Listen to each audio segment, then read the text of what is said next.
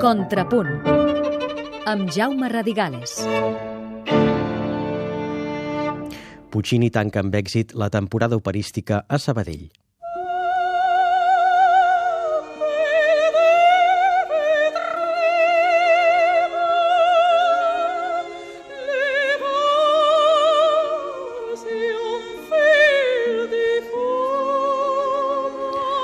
Madama Butterfly és una òpera entranyable per als amics de l'òpera de Sabadell que van començar l'aventura fa més de 30 anys amb aquest títol de Giacomo Puccini i després d'haver-la representada en diverses ocasions, ara l'han tornada a programar com a final d'una excel·lent temporada que començava la tardor amb les Noces de Figaro i que va seguir amb una doble sessió integrada per la Serva Padrona i il Segreto di Susanna i després amb l'Otello de Verdi.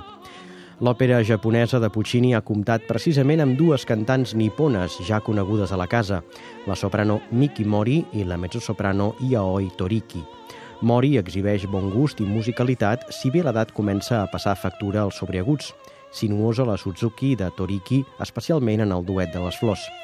Andrés Beramendi va ser un Pinkerton segur en els atacs i sensible al call lligat en el duet del primer acte, al qual li va faltar una mica més de delicadesa. Excel·lent el cònsul de Manel Mas i molt professional, com sempre, Josep Ruiz en la pell de Goro.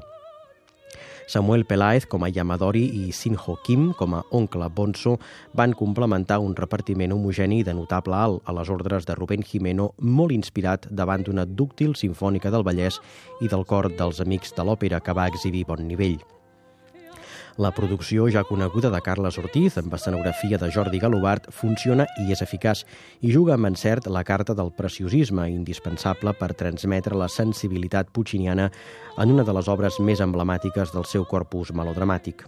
Després d'aquest nou èxit, els Amics de l'Òpera de Sabadell ja anuncien la nova temporada integrada per Don Giovanni de Mozart, Goyescas de Granados, Manon Lescaut de Puccini i Carmen de Bizet. Ens congratula saber-ho.